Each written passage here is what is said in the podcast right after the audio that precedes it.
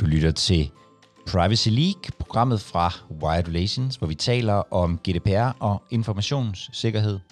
Jeg hedder Jakob Høgh Larsen, og det, du skal lytte til i dag, handler om den situation, hvor ledelsen hører, men ikke lytter. Hvad gør man ved det?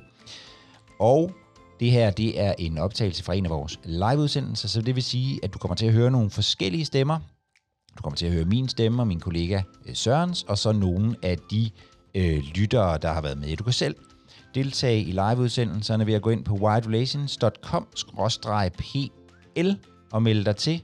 Vi mødes hver onsdag kl. 14.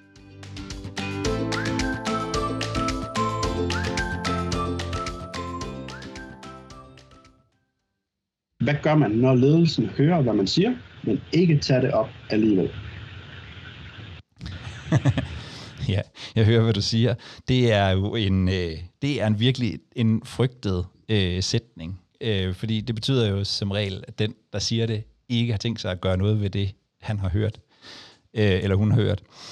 Og vi har talt en del om at skabe buy-in fra ledelsen. Øhm, og så har vi altså fået det her spørgsmål, øh, Øh, hvad nu hvis de hører, men ikke øh, lytter?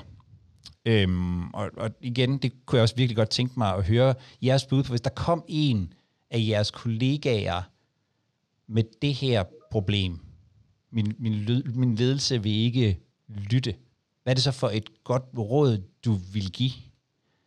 Det kunne jeg godt tænke mig, at I sad og overvejede, imens, øh, imens jeg siger noget, måske skriver det i, øh, i, øh, i chatten, eller, eller siger det bagefter, fordi det er jo selvfølgelig svært, og min, mit svar vil virkelig falde i, i to øh, retninger, jeg tænker, man kan, kan gå. Den første, det er at forsøge at overbevise. Og det, det tror jeg, man skal acceptere, at hvis, hvis ledelsen vidderligt er der, hvor det her betyder ikke noget for dem, så er det formentlig et langt sejt træk. Man kan så sige, hvis man er ansat til at arbejde med GDPR, så må det betyde et eller andet. Altså, der, må, der, der må være et eller andet i det, trods alt, som, som man kan starte fra, men, men det vil nok være et øh, langt sejt træk. Og jeg vil personligt grundlæggende arbejde på to fronter på én gang.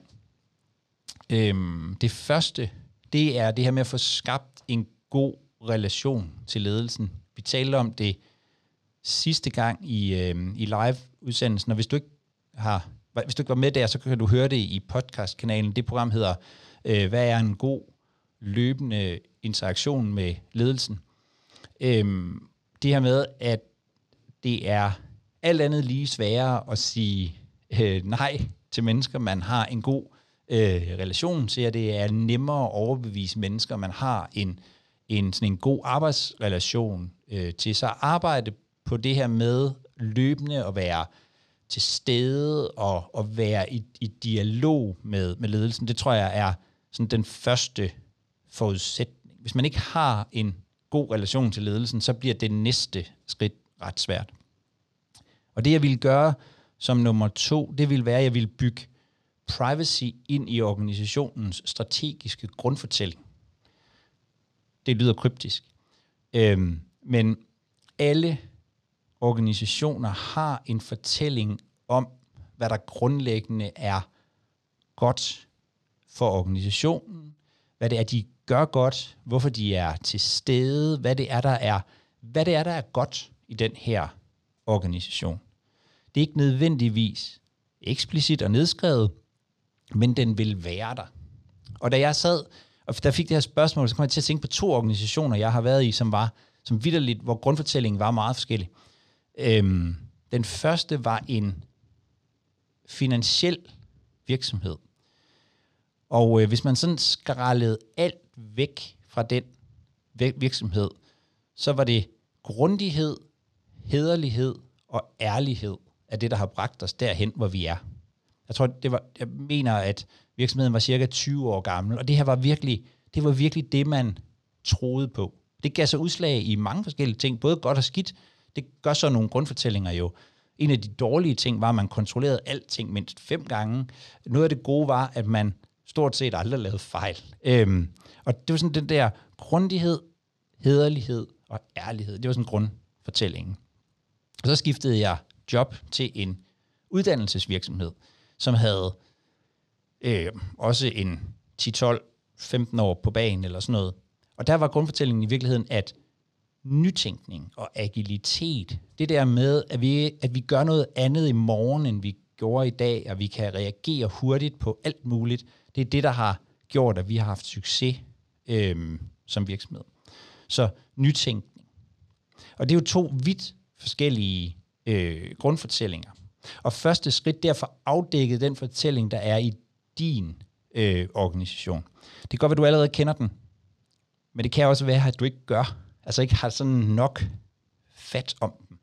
Øhm, så må du ud og tale med folk og prøve at, hvad er det egentlig, fortællingen den er øhm, her. Og skridt nummer to, det er så at gå og sige, hvordan kan GDPR, informationssikkerhed, hvordan kan privacy understøtte den her fortælling? Og bare som eksempel, hvis grundighed, hederlighed og ærlighed, det er kernen i virksomheden, så er det måske noget med, at GDPR er jo, det er jo loven. Den skal vi selv sagt opfylde. Vores kunder forventer, at vi er hederlige. Øh, så de forventer hederlighed fra vores side. Det, der måske i virkeligheden i GDPR hedder ansvarlighed, men som man måske skal omdøbe til hederlighed, lige den her øh, virksomhed. At vi gør det, at vi er ordentlige. Det er måske måden at få privacy ind i organisationens strategiske grundfortælling i den type organisation. Hvis det er nytænkning og agilitet, så er det måske noget med, vi kan faktisk blive de første. Ingen af vores konkurrenter satser på det her som noget, der kan, der kan være en fordel for deres kunder. Ingen af vores... Øh, vi, kan, vi kan virkelig være de første på der, der bruger privacy aktivt i vores, i vores forretning som en, som en egentlig øh, strategi. Så to meget forskellige måder. Øh, jeg håber, at jeg sådan illustrerer, hvad det er, jeg tænker, når jeg siger, at, at man er nødt til at få, hvis man skal have ledelsens opbakning, i, specielt i en ledelse, som, som ikke kan se det selv, jamen så få det, så få masseret privacy ind i øh, grundfortællingen. Og så vil jeg som som det sidste øh, i, i den her i virkeligheden lægge en, en kommunikationsplan. Øh, lidt af det, vi også talte om sidst, det er det samme, øh, ligger i det samme program, som, som jeg omtalte før med, med den løbende interaktion med, med, med ledelsen. Altså, hvad er det for nogle kommunikationsmuligheder, jeg har med ledelsen? Hvor kan jeg, hvor kan jeg sætte ind for at få dem øh, flyttet i, i den her retning? Men jeg tror og tænker, at, at nu kommer spørgsmålet formentlig fra et eller andet sted, hvor, hvor ledelsen er svær med at gøre. Så det kan godt være et, øh, et langt, sejt træk. Og det er i virkeligheden sådan, det der leder mig til den anden mulighed. Fordi hvis man sidder i en organisation, som grundlæggende ikke tror på det, man selv tror på, grundlæggende ikke tror, at det, man gør, er det rigtige, som ikke tror på privacy som fedt for kunderne og virksomheden og samfundet, så kan det jo også være, at man skal begynde at se sig om efter noget andet at lave. Altså, det er jo også simpelthen en mulighed at forlade organisationen, øhm, fordi vi laver vores bedste arbejde, når vi er, er glade for det. Der kan sagtens ligge en fed opgave i at få lov til at flytte en, øh, en organisation, Øhm, men der skal selvfølgelig være mening med, øh, med galskaben. Tilbage til dig, Søren. Lisbeth, hun, øh, hun har en kommentar, som jeg ikke håber kommer fra, øh, eller de vil på at sige i led, eller i organisationen her, som havde nytænkning og agilitet med i hvert fald. Hun skriver, at en klassisk ledelseskommentar, det er, at vi vil ikke være first movers. Øh, men det passer meget godt ned i det der med, hvad er, hvad er holdninger, hvordan opererer man i organisationer, hvordan tilpasser man historien til en, en af mine... Og Dennis, han har... Undskyld, ja. jeg vil bare lige sige, en af, en af mine venner, øhm, som mødte jeg første gang, da jeg var kommunikationsrådgiver. Og, øh, og det var, fordi jeg ville, øh, jeg ville hjælpe ham med at komme i, jeg ville hjælpe ham med at komme i medierne. Han var formand for en brancheforening. Og første gang, jeg mødte ham, der spurgte jeg ham, hvorfor han... Jeg havde simpelthen ikke kunne finde ham. Og så siger han, det er fordi, jeg ikke har, vi har ikke nogen hjemmeside, fordi det har vi ikke behov for. Den, der lever stille, lever godt. Hvis man så skal overbevise sådan en om, at øh, mediearbejde, det er noget værd, så er man jo nødt til at starte der. Altså sådan lidt Søren Kierkegaard-agtigt. Man er nødt til at starte der, hvor, hvor vedkommende faktisk er. Så hvis man ikke vil være first movers, så handler det måske i virkeligheden om at prøve at finde ud af, hvordan privacy netop ikke er first moving. Altså, at, at, at nu er vi, nu er vi 4-5 år henne, øh, det her det er faktisk ikke længere at være øh, first mover. Så det er også nogle gange et spørgsmål om, hvordan man, hvordan man taler om, øh, om, om ting. Men jeg tror, du har, har ret i, at der er sikkert mange, der, der, der godt lige vil vente til alle de andre har taget alle tæskene. Undskyld, Søren. Det er helt i orden. Det er derfor, vi er. Dennis, du er på Privacy League Live. Det, det jeg tænkte på, da jeg hørte, hvad, altså, eller når man tænker, hvad, hvad kan jeg gøre, hvis min chef siger nej? Uh, så er det jo, som, Jakob Jacob sagde, de her to faktorer, som altså, jeg kategoriserer som enten en, uh, det man i migrationsverden kalder en pull-faktor og en push-faktor. Så når jeg har i, tidligere er kommet til min chef og har sagt, at jeg er nødt til at øh, prioritere X, Y, Z, og det viser sig at være ret dyrt, og chefen så kommer tilbage og siger, jeg, jeg hører, hvad du siger, men vi har andre mere vigtige prioriteter. Så vendte jeg jo bare om og sagde, fedt chef, men jeg hører, hvad du siger. Men det øh, interesserer datatilsynet ikke, push-faktor, eller det interesserer kunden ikke, pull-faktor. Fordi kunden er jo den, vi vil øh, gøre glad på en måde, og som vi håber er glad, så den ikke øh, flygter. Og datatilsynet er dem, der kan komme efter os for at give den bøde.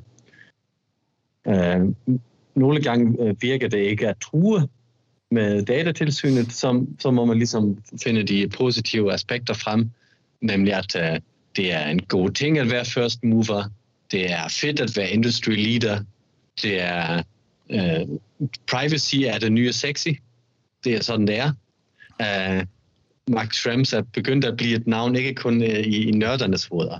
Der er andre, som også øh, er medieomtale, ligesom Johnny Ryan fra Brave Browser, som går mod hele øh, real-time bidding-branchen, og øh, forskellige andre organisationer, der virkelig arbejder på det her.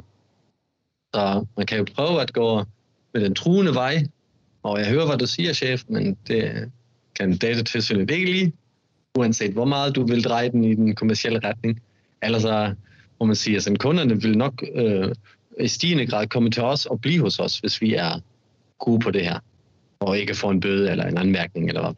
Ja, jeg tror, jeg tror det her, igen handler det i virkeligheden meget om at, det her med at tage, tage sit udgangspunkt i, øhm, nu handler det her jo om ledelsen. Det er ledelsen, der ikke vil, vil, vil lytte. Det er jo nogle, et vist antal øh, mennesker. Jeg tror, det handler rigtig meget om at prøve netop at finde ud af, hvad det er, der hvad det er, der trigger her. Hvad er det, der er en del af deres grundfortælling? Fordi jeg har faktisk også, jeg har også været i virksomheder, hvor øh, det, det der med, hvad kunderne ville og ikke ville, det kunne simpelthen ikke rave ledelsen mindre. Og sådan er det faktisk i nogle finansielle virksomheder, kan jeg afsløre i den her øh, lille forsamling, at, øh, at det er, øh, der, er det, der er det banker og renter, der er vigtige. Øh, det er forsikringsselskaber, der er vigtige. Kunderne, de kunne vidderligt altså, rave dem utroligt lidt. Så, så det er det der med at prøve at finde det, der det der, øh, det der, det der, det der trigger og det, der taler ind i deres, altså i, i den fortælling, der ligger i, i, øh, i organisationen i, i, i forvejen. For ellers så er det, vi risikerer at komme til at løbe foran. Altså, hvis vi alle sammen argumenterer sådan, som, som øh, Max Rems gør, eller, eller øh, privatlivsaktivisterne, øh, som vi sikkert alle sammen har set på, på, øh, på LinkedIn eller, eller Twitter, så er, det, vi, så er det, vi i virkeligheden ender mm, med ikke at blive hørt, fordi det bliver for det bliver for vildt. Det taler ikke ind i den virkelighed, som, som, øh, som ledelsen sidder med øh, derude. Så, så, øh, øh, så ja, der, der, det er jo, og det er jo i virkeligheden push og pull. Og nogle gange skal vi jo også skubbe, altså det, tænker jeg. Øh, øh, Dennis, det er du fuldstændig ret i. Altså, øh, det er jo ikke noget, at vi bare sådan altid forsøger at, at, at, at følge med. En gang imellem må man jo også stå fast og sige, det kan godt være, men hertil og, og ikke længere. Jeg synes også, det hænger meget godt sammen med en af de tidligere øh, øh episoder, vi havde, øh, hvor at du snakkede lidt om, Jacob, at det der med, at vi skal også se det som, vi skal måske mere være en forretningspartner, mere end kun fagnørden, øh, altså på det her område. Så hvordan bidrager til vores forretning, hvis vi gør det her, i stedet for bare at argumentere, at vi skal jo overholde loven. Øh, det er i hvert fald, øh, det, så vil ledelsen lytte bedre, hvis at vi, vi tager den øh, indstilling til det frem for at kun det faglige.